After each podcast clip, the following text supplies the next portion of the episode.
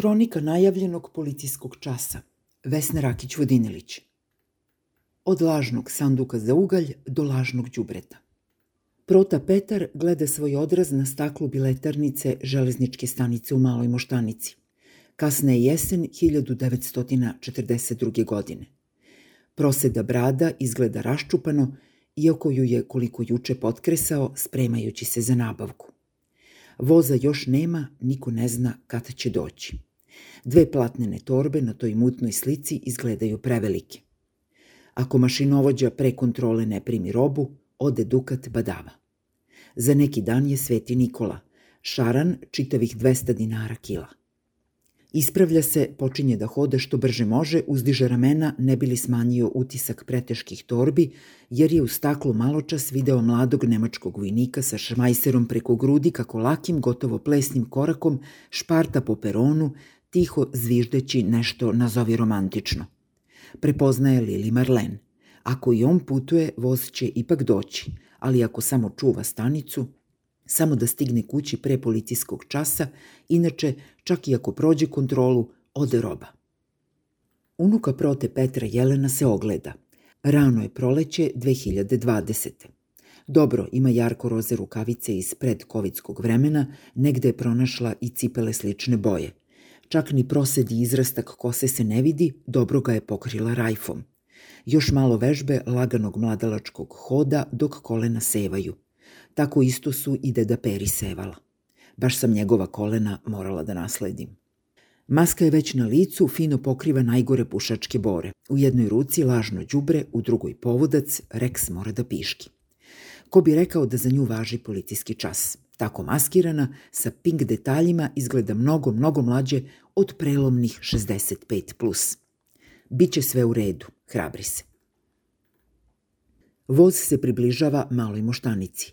Petar, umoran od brzog odsečnog hoda, opušta ramena, voz staje. Dobro je, to je Miša mašinovođa. Za pet jaja primiće njegove torbe i sakriti u lažni sanduk za ugalj.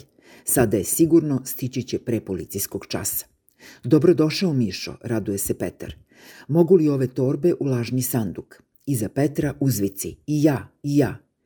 Pet jaja po torbi ili manji šaran, poslovno odgovara Miša. I meni je Sveti Nikola. Petar računa. Imam 15 jaja i jednog šarana. Ako dam 10 jaja, kako će popadija napraviti tortu od pet za onoliku familiju?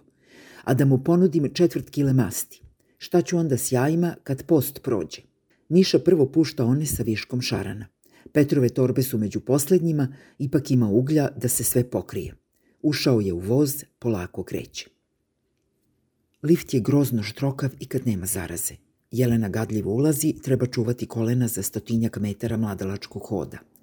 Rex okleva, nema baš ničeg privlačnog u šutu. Odluči se nekako, zna dobro da je Jelena uznemirena, drugačiji je glas nego inače. Moram da se setim da uvučem stomak i ispravim leđa. Motaju se ovuda komunalci, a i obična policija.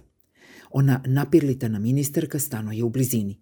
Još malo stepenica ispred ulaza, pa će zalepršati po betonskoj stazi do poljanice u blizini kontejnera koji danima zevaju prepunjeni.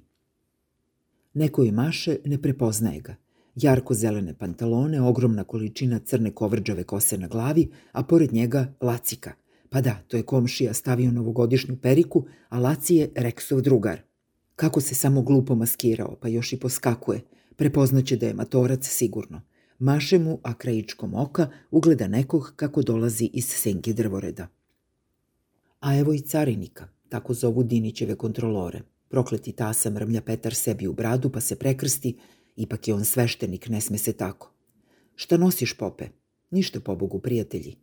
Prijatelji odmahuju glavama, ne veruju, pitaju gde je bio i šta će u švercerskom vozu. Odgovara da je išao da opoje jednog preminulog, muka mu je od takve laži, hoće li Bog ipak oprostiti ako zna koliko duša mora da hrani. Odlaze, Petar se ponovo krsti, vadi posivelu maramicu iz džepa, briše prvo naočare, potom i minijaturne kapljice znoja ispod naočara. Odahne. Jelena Vrcka koliko je kolena nose, pomisli na deda Peru i njegove beskrajne priče o crnoberzijanskim iskušenjima, osmehnu se ispod maske jer u radnjama ima svega izuzev klozet papira, a sutra u četiri ujutru baš pravo vreme za nabavku. Bar će videti sestru, od koje samo ima slike na Vajberu već celih nekoliko nedelja. Vrcka i dalje, zviždi, to baš dobro ide uz vrckanje, ne zna baš šta to zviždi, ali ispada nešto kao Lili Marlen. Opet se seti dede. Dobro je, Rex je piškio, to je ipak nešto. Sad još malo do kontejnera da triumfalno tresne lažno đubre i još malo prošeta psa. Ali onaj se nemilice približava. Izgleda kao komunalac u civilu, ponaša se kao komunalac, njuška okolo, mora biti da je onda ipak komunalac. Rex diže uši, staje, njuši. Petar grabi svoje torbe, brzo prolazi pored nemačkih vojnika, svi mu izgledaju isto. Poslednjim snagom uzdiže ramena. Šnel, šnel, tiho se preslišava Petar sebi u bradu. Izašao iz stanice, nikoga ništa nije pitao, nikomu ništa nije tražio. Prepoznali da sam pop, valjda. Sad brzo do knez Danilove, a ima još samo dvadesetak minuta do policijskog časa. Kaska u daljini je Slavija još. Onda ću niz brdo, a to je gore, bole kolena. Od Slavije brisani prostor čini mu se nesavladiv. Hoda malo na prstima da smanji pritisak na kolena, ali torbe su preteške. Kada je prešao bulevar, spotače se, ispade nekoliko krompira. Neka, nema sad vremena da ih skuplja. Hvala blagom Bogu, strmina je prestala, sad polako do kuće. U daljini vidi automobilska svetla. Pa to je policijski čas već počeo. Potrči, nije potrčao još od 6. aprila. Kapija otključana, uvlači se, briše znoj i najzad gotovo baca torbe pred vrata. Žena pritrčava, opominje ga da će razbiti jaja, razočarana je. Samo si deset doneo. Komunalac se obrati Jeleni. Gospodju, molim vas, e to sam uvežbala. Šta, zar vi stvarno mislite da ja imam više od 65 godina? Pogledajte me dobro čoveče i sama ta pomisao je uvredljiva. Tako treba, a ne kao deda pera sebi u bradu pomisli. Izvinite, gospođo, i treba da se izvinete. Na što to liči da me tako prepadate dok bacam đubre? Valjda očekujete da nosim ličnu kartu do kontejnera. Sramota. Ma, samo sam hteo da vas pitam da li znate gde je Beva ulica. Tamo pokaza levom rukom, dok joj se znoj skupljao ispod maske po pušačkim borama. Sva srećena što je probila blokadu, naslonila se na prljava vrata lifta, opet zviždi, Rex maše repom. Stigla pravo iz policijskog časa. U hodniku ugleda kese prepune robe. Njen muž stakato diktira. O, tu je sin Petar, ali on ocečno pruža ruku prema njoj. Zadrži masku, ne približavaj se, mnogo ljudi sam danas sreo. I nastavlja da kuca po tastaturi očevo pravno mišljenje o policijskom času.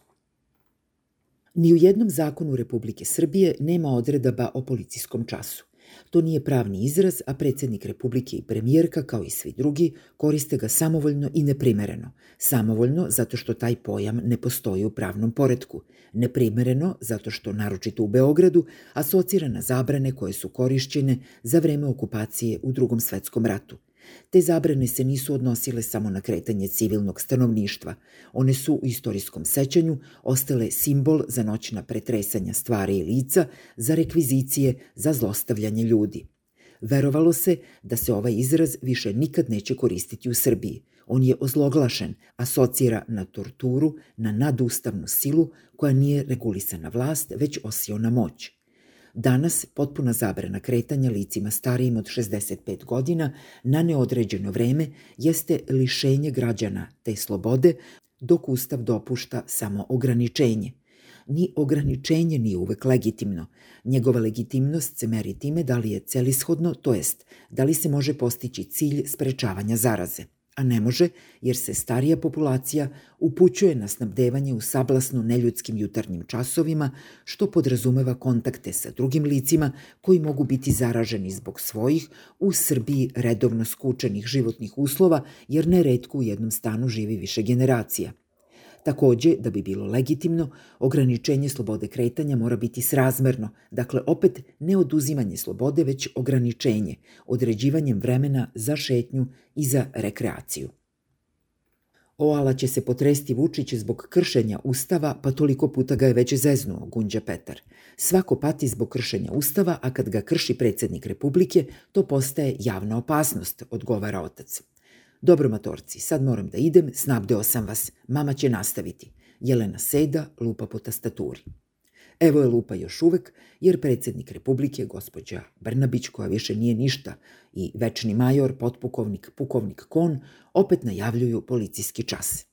Da li će Mihajlova pravnička duša ovo preživati, pita se Jelena, krišom zabrinuto pogledavši muža koji koncentrisano sluša najave novog policijskog časa i seiri što po ustavu nema nikog ko bi sad mogao proglasiti vanredno stanje kad nova skupština nije konstituisana, a vlada može da okončava samo započete poslove, dakle samo vanrednu situaciju, a ne da uvodi nešto novo što bi sad bilo vanredno stanje.